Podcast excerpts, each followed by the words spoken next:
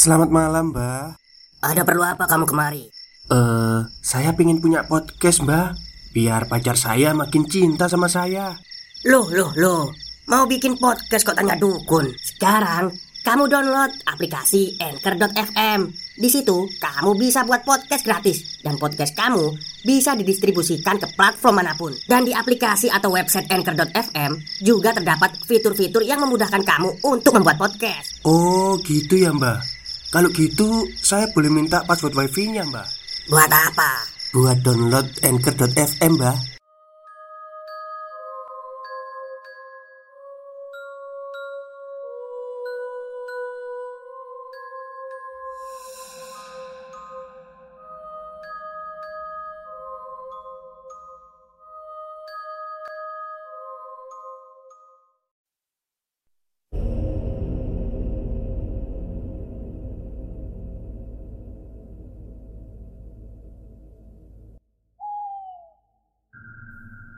Assalamualaikum warahmatullahi wabarakatuh. Halo semuanya, jumpa lagi dengan saya Chow Sing Sing Kurator dari podcast Horror Night Story.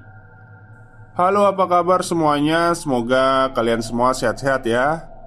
Dan seperti biasanya pada siang hari ini saya kembali Dan akan menghadirkan sebuah kisah mistis untuk kalian semua. Kisah mistis kali ini saya datangkan dari tweet twitternya Mas Nufail Sadat yang menceritakan tentang penduduk desanya yang pernah diculik oleh setan alas. Dan seperti apa kisahnya? Mari kita simak. Halo, masih ingat dengan saya? Saya Nufail Sadat dari Subah Batang, Alas Roban. Setelah kejadian yang kemarin saya ceritakan terjadi di desa saya, perihal tumbal pesugihan Kali ini akan saya ceritakan kisah nyata kembali yang terjadi, bahkan lebih dekat dengan saya pribadi. Kisah ini dialami oleh tetangga saya yang tinggal berjarak enam rumah dari rumah saya. Saya mengenal secara pribadi dengan Likdar dan Mbak Sri. Maaf, nama-nama tersebut bukanlah nama sebenarnya sudah selayaknya saya merahasiakannya demi kenyamanan dan kebaikan bersama. Likdar dan Mbak Sri adalah pasutri. Mereka tinggal satu tuku dengan saya. Sebagai informasi, desa tempat di mana saya tinggal ini sekalipun dilewati oleh jalan raya utama Pantura. Namun, sisi-sisi desa kami masih dikelilingi oleh hutan belantara yang benar-benar lebat. Waktu itu, jauh sebelum pembangunan-pembangunan era modern seperti sekarang, termasuk jalan tol yang dibangun di wilayah saya, Pantura, dan belakang desa saya, tepatnya desa belakang rumah saya ini, ada sebuah tanah lapang sepak bola kampung yang juga kebetulan ada di sisi pinggiran hutan, dan di salah satu sisi pojokan lapangan persis Ada tanah perkuburan warga Yang juga letaknya tepat di pinggir hutan. Kuburan Poncol namanya. Kisah ini terjadi dulu Saat saya masih sekolah tingkat SMA Kira-kira 22 tahun yang lalu. Ketika itu saya baru pulang sekolah. Saya mendapati ada banyak warga berkerumun di belakang rumah saya lapangan dekat tanah perkuburan warga.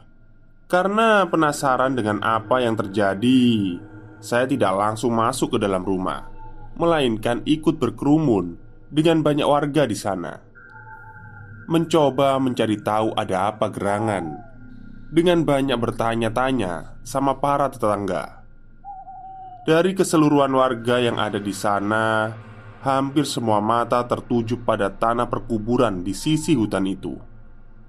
Semakin penasaranlah saya. Ada apa ya kira-kira? Saya bertanya-tanya dalam hati. Kenapa dari setiap warga di sana Tampak raut mukanya ketakutan dan kecemasan yang begitu lekat? Sekalipun hari sudah sore menjelang malam Warga masih tak beranjak dari tempat bermula mereka berkerumun. Masih dengan rasa penasaran, akhirnya saya tahu atas hal apa yang terjadi saat itu. Untuk menceritakan awal mula kejadian, saya akan putar balik ceritanya sedikit. Jadi, tetangga saya ini, Lekdar dan Mbak Sri terlibat dalam pertengkaran suami istri. Bahkan, Lekdar sampai juga menggunakan tangannya atau main tangan terhadap Mbak Sri. Setelah itu, Mbak Sri dimasukkan ke kandang ayam di sebelah rumah mereka. Tidak peduli seberapa keras dan histerisnya tangisan Mbak Sri saat itu. Singkat cerita, ketika mempunyai kesempatan untuk melarikan diri, Mbak Sri pun kabur dari kandang ayam itu menuju tanah kuburan warga di pinggiran hutan itu. Dengan masih diiringi tangisan yang menyedihkan karena ulah suaminya, Mbak Sri terus berlari menuju tengah hutan itu. Dari kejadian pertengkaran pasutri ini, banyak dari tetangga-tetangga sekitar yang akhirnya merasa cemas dan khawatir atas kondisi Mbak Sri saat itu. Sehingga mereka memutuskan untuk menyusul Mbak Sri ke tengah hutan untuk memintanya agar segera pulang saja. Namun ketika para warga beserta suaminya Likdar mengejar masuk ke hutan Mbak Sri malah semakin lari menjauh dari kejaran warga Dan anehnya untuk perempuan seusia Mbak Sri, tidak semestinya ia bisa berlari begitu cepat, apalagi di tengah hutan belantara yang sangat lebat seperti itu. Bahkan, anak-anak muda desa yang terbiasa bermain sepak bola, yang seharusnya masih mempunyai tenaga yang lebih kuat, sama sekali tidak ada yang mampu mengejar pelarian Mbak Sri ini. Padahal, Keberadaan Mbak Sri juga masih nampak oleh mata para warga yang mengejarnya. Hanya saja saat itu, sepertinya ia bukanlah Mbak Sri yang dikenal oleh warga, atau entahlah. Pikiran warga pun kacau serta takut memikirkannya. Jangan-jangan Mbak Sri sudah ada perewangannya, sudah disusupi makhluk sebangsa jin pada jasad hidupnya ketika ia berlari memasuki hutan. Dengan diliputi keputusasaan, Lekdar dan semua warga yang mengejar Mbak Sri akhirnya memutuskan untuk kembali ke desa. Dengan satu alasan kekhawatiran Bila terus dikejar Mbak Sri malah akan semakin masuk jauh ke dalam hutan Dan tidak akan pernah kembali ke rumah. Nah, itulah awal kejadian bermula Ketika saya mendapati banyak warga berkerumun berkumpul dengan tampak kecemasan pada wajah-wajah mereka saat itu. Kita kembali ke awal cerita di mana saya sedang mencari tahu kebenaran kejadiannya. Cukup lama para warga berkerumun menunggu kepulangan Mbak Sri di pinggir desa. Tiba-tiba muncul sosok perempuan di tengah gerbang tanah kuburan yang seolah sedang memandangi kami. Mengawasi kami dengan cermat dan nampak pula gelagat kegelisahan yang tersirat dalam lakunya. Ya, benar, itu adalah sosok Mbak Sri, atau mungkin lebih tepatnya mirip dengan Mbak Sri, karena sejak kejadian kejar-kejaran tadi, sosok yang dikejar itu benar-benar tidak seperti layaknya Mbak Sri yang normal dikenal warga. Lantas, siapa sebenarnya dia? Atau apa dia? Dan dengan serentak banyak warga yang berteriak-teriak memanggil nama Mbak Sri agar segera pulang dari perkuburan hutan itu. Sri, balik Sri. Kasihan anakmu. Begitu terus bersaut-sautan teriakan warga terhadap Mbak Sri yang terdiam saja di gerbang kuburan itu. Ketika siang hari, bisa jadi tanah perkuburan hutan itu nampak biasa-biasa saja. Namun, entahlah bila sudah petang atau malam hari tiba, tempat itu benar-benar sudah bukan seperti tempat yang biasa-biasa saja. Akan ada banyak kejadian-kejadian di luar nalar yang akan terjadi di sana. Menurut tetangga-tetangga saya, terutama mereka yang biasa berkeliaran di sana pada malam hari, untuk sekedar berburu katak di persawahan di dekat perkuburan itu, kabarnya sering kali mereka ditemui sosok tulang belulang, atau kita bisa menyebutnya dengan tengkorak yang menangis di atas batu nisan. Adapun dengan penampakan golek kencono yang kerap menggelinding ke sana kemari untuk sekedar menggoda warga yang masih berada di sekitar wilayah itu pada sore atau malam hari. Golek kencono itu mungkin kepala gelundung itu ya. Segala macam kuntilanak, genderuwo, pocong, dan jin-jin lainnya sudah biasa bermunculan di desa kami.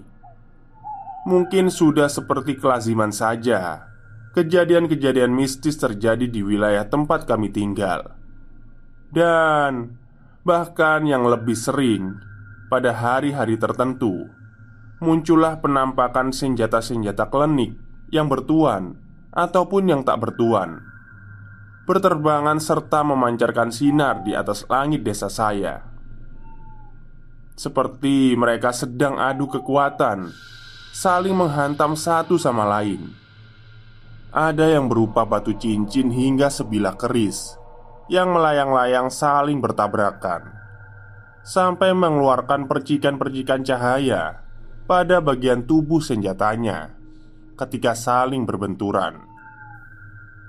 Kabar terakhir, senjata-senjata itu sudah menghilang lama sejak mbah-mbah sesepuh dan tetua di desa banyak yang sudah meninggal. Banyak dari cerita, gaman, atau senjata-senjata itu sudah pergi untuk mencari tuan-tuan yang baru setelah ditinggal mati oleh pemilik yang lama. Dari berbagai macam kejadian itulah, ribuan kecemasan warga akan posisi dan kondisi Mbak Sri ini terjadi. Hari sudah petang, namun tidak ada tanda-tanda sama sekali Mbak Sri akan pulang. Nyatanya, ketika warga mendekatinya, ia akan lebih memilih memasuki hutan kembali dan menghilang. Waktu sudah hampir tengah malam. Para warga yang tadinya ramai berkumpul di pinggiran kuburan itu satu persatu memilih pulang kembali ke rumah masing-masing. Adapun yang masih tersisa hanya sedikit, berharap Mbak Sri akan pulang. Begitupun Lekdar serta anak-anaknya yang tergolong masih kecil. Malam berlalu dan datanglah pagi. Saya berkegiatan selayaknya seorang siswa. Tidur, bangun, berangkat sekolah, dan pulang kembali. Hingga hari sudah beranjak sore. Saya pun telah sampai di rumah. Saya sempatkan mencari kabar perihal kejadian kemarin. Dan hasilnya Ya, banyak warga yang masih berkumpul kembali di tempat kemarin mereka berkerumun, dan masih tidak mendapati perkembangan apa pun. Stop, stop, kita break sebentar. Jadi, gimana? Kalian pengen punya podcast seperti saya? Jangan pakai dukun, pakai anchor, download sekarang juga gratis. Bukan hanya warga asli desa saya saja, melainkan sudah banyak warga desa dari tempat lain yang juga penasaran akan kejadian yang terjadi ini. Nampaknya kabar tentang tragedi ini sudah menyebar luas hingga ke penjuru desa-desa tetangga. Sudah seperti keramaian pasar malam saja waktu itu. Sebegitu ramainya dengan bisik-bisik warga yang penasaran dan masih dengan raut kecemasan dan ketakutan di wajah-wajah mereka. Keadaan tidak mendapati perubahan sama sekali, masih seperti kemarin. Warga mendekat, Mbak Sri kembali lari masuk ke hutan lagi, dan bila mana warga kembali pulang ke desa, sosok Mbak Sri ini akan muncul kembali di depan pintu gerbang perkuburan hutan itu lagi. Begitulah seterusnya.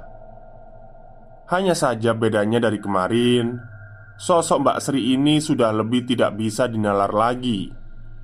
Saat warga mengejarnya, Mbak Sri bisa bertingkah layaknya binatang monyet yang bisa dengan mudah memanjat pohon jati yang besar-besar tanpa kesulitan, serta melompat dari pohon satu ke pohon yang lain.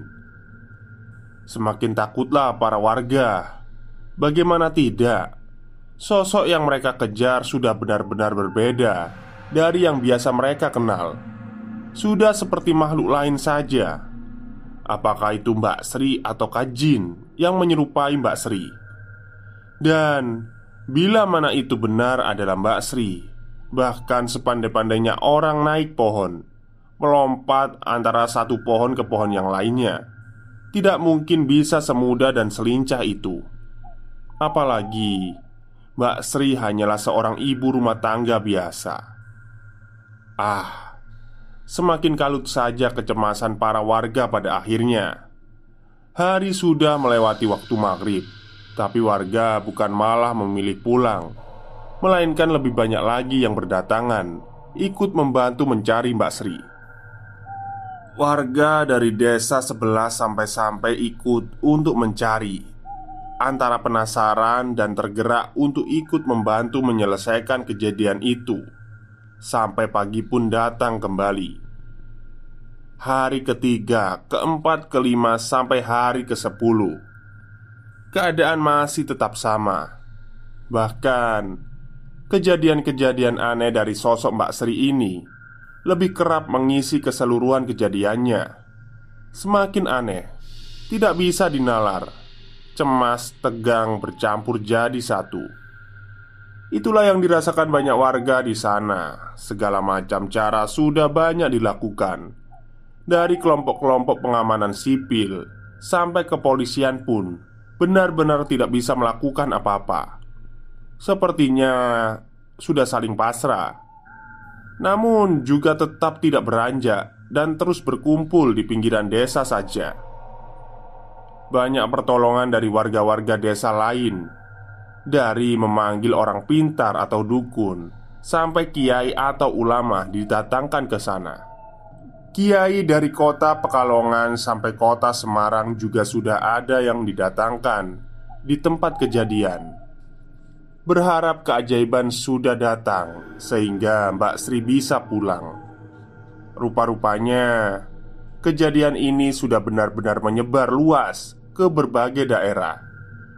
Saya sendiri entah sudah terfikir atau suatu hal yang lazim. Sekalipun juga kerap berjumpa hal-hal mistis di desa saya. Ini sudah di luar batas pemikiran banyak orang yang ada di tempat kejadian. Setelah berapa lama di hari ke-10 Akhirnya ada sedikit titik cerah. Ada satu kiai yang akhirnya bisa berkomunikasi dengan Mbak Sri yang juga masih terus berlaku hal yang sama. Dikejar, lari masuk ke hutan, dan ketika warga kembali ke desa, dia muncul kembali di gerbang kuburan. Sang kiai berkata, "Sosok Mbak Sri ini muncul di kuburan itu hanya sedang berusaha mengincar anak-anaknya untuk ia bawa pergi bersamanya." Karena itulah ia kerap kali muncul seperti sedang mengintai warga desa seperti layaknya harimau yang hendak menyergap mangsanya. Terang saja, ketika banyak di antara mereka langsung menolak permintaan itu, mengingat sosok Mbak Sri ini sudah tidak seperti layaknya Mbak Sri yang seperti biasanya, dan segeralah Lekdar dan para warga terpilih untuk menyembunyikan keberadaan anak-anak Lekdar dan Mbak Sri ini. Semakin mencekamlah keadaan selanjutnya sama-sama saling mencuri kelengahan, tegang dan menakutkan. Mbak Sri mencari kelengahan warga untuk mengambil anak-anaknya. Warga juga berusaha mencari kelengahan Mbak Sri untuk bisa menangkapnya. Terus hingga lagi-lagi malam pun terlewati kembali. Hari ke-11 Keadaan semakin mencekam dan menegangkan. Bagaimana tidak? Sosok Mbak Sri yang sering menampakkan diri sebelumnya. Kali ini muncul dengan wujud yang sangat berbeda Dari yang sudah-sudah. Wajah yang nampak kemarin-kemarin ini berubah menjadi seperti perpaduan antara manusia dan siluman.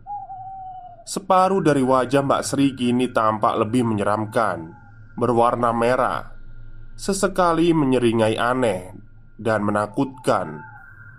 Dengan gerakan-gerakannya yang semakin liar dan aneh pula, semakin membuat ketegangan dan ketakutan para warga menjadi berkali-kali lipat.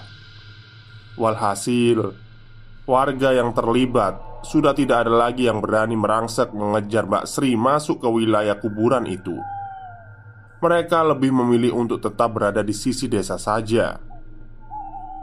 Hari ke-13 masih tetap dengan keadaan yang sama.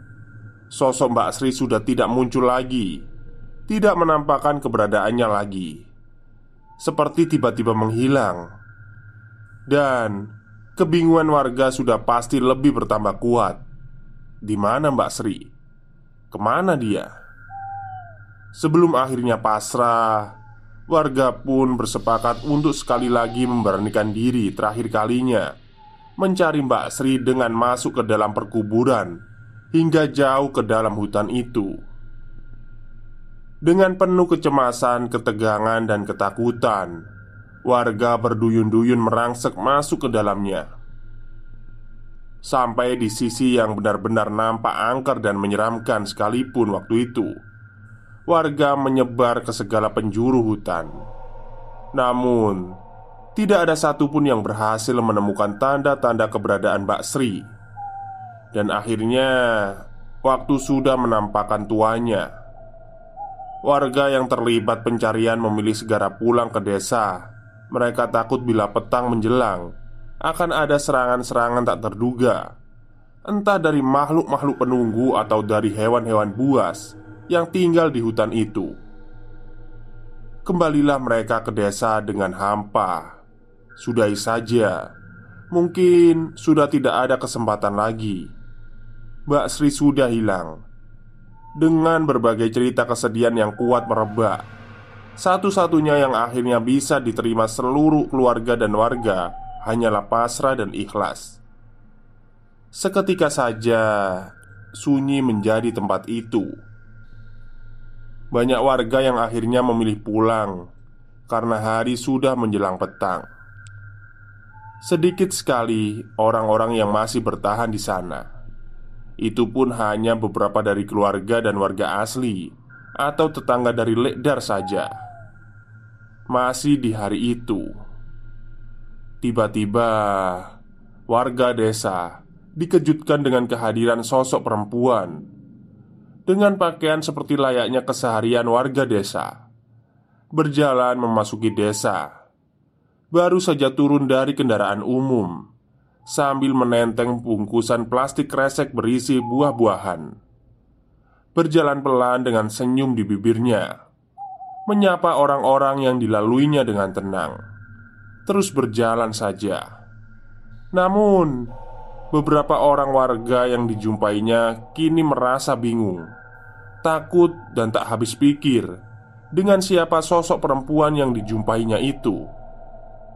Saling memandang antar warga seketika, sehingga pun nampak wajah-wajah kebingungan di antara mereka. Ya, Sosok perempuan yang sedang berjalan tenang ini adalah sosok Mbak Sri Perempuan yang selama ini membuat gempar hampir seluruh warga desa di tempat Hingga warga desa-desa lainnya. Total 13 hari menjadi topik pembicaraan banyak warga di sana. Tiba-tiba muncul berjalan santai kembali ke rumahnya Tanpa ada indikasi seperti telah mengalami hal-hal aneh yang terjadi padanya seperti biasa saja. Tidak ada berita apa pun yang terucap dari mulut Mbak Sri, seperti benar-benar tidak terjadi apa-apa kepadanya. Dari kebingungan Lekdar dan semua warga, akhirnya salah satu warga memberanikan diri untuk bertanya, "Sri, kamu dari mana sebenarnya? Kok hilang berhari-hari?" Aku baru saja dari Pekalongan, Mbak. Ini bawa oleh-oleh buah. Entah rasa syukur atau apa yang bisa diungkapkan warga. Yang jelas kebingungan masih saja merambah ke seluruh warga yang ada di situ. Pada kenyataannya sepertinya Mbak Sri sendiri Seperti benar-benar tidak mengerti apa yang terjadi. Ia seperti tidak mengalami apa pun kejadian aneh itu. Ia bahkan seperti tidak pernah pergi dalam waktu yang begitu lama Jadi Siapa sebenarnya sosok yang selama ini menghantui warga Di tanah perkuburan hutan itu Semakin membingungkan saja dan benar-benar tidak ada jawaban serta penjelasan yang pasti sampai detik ini.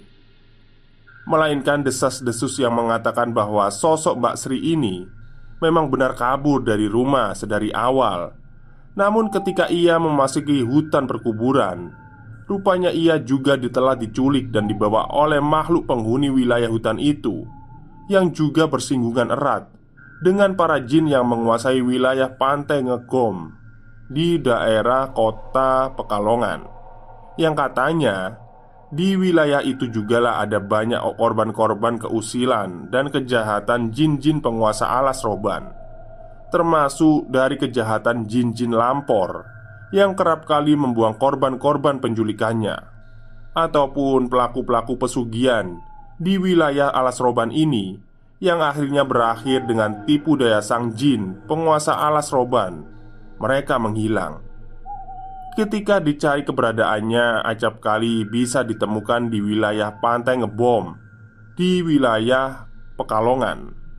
Hanya saja, bila memang beruntung, si korban kemungkinan bisa kembali. Namun, bila tidak, walhasil dia akan selamanya tinggal di dunia para jin sampai kelak kiamat datang. Hingga saya tulis kisah ini, sepertinya Mbak Sri memang tidak benar-benar mengerti kebenaran yang terjadi, atau mungkin memang sudah memahami. Ya, saya tidak tahu. Wallahu alam. Hanya Tuhan yang Maha Tahu sebenar-benarnya kebenaran. Selesai. Terima kasih kawan-kawan yang sudah menyimak dan membaca kisah ini. Menilik dari beberapa DM dari cerita saya sebelumnya, Ternyata ada beberapa orang yang sewilayah dengan saya dan mengetahui cerita-ceritanya. Mohon untuk tidak berkomentar atau menyebut nama-nama yang sebenarnya. Salam. Oke, itulah akhir kisah dari tweet Twitter yang ditulis oleh Mas Nufail Sadat tentang penduduk desanya yang pernah diculik oleh setan alas. Apalagi alas roban ya. Ya memang ya Alas Roban itu dari saya kecil itu terkenal dengan keangkerannya Banyak sekali uh, para pengendara yang lewat situ itu sering diganggu Bahkan saya pernah itu waktu saya mau ke Jakarta lewat Alas Roban itu Ada truk yang terguling. Katanya sih isunya diganggu sama kuntilanak. Oke mungkin itu saja cerita pada siang hari ini. Kurang lebihnya saya mohon maaf. Wassalamualaikum warahmatullahi wabarakatuh.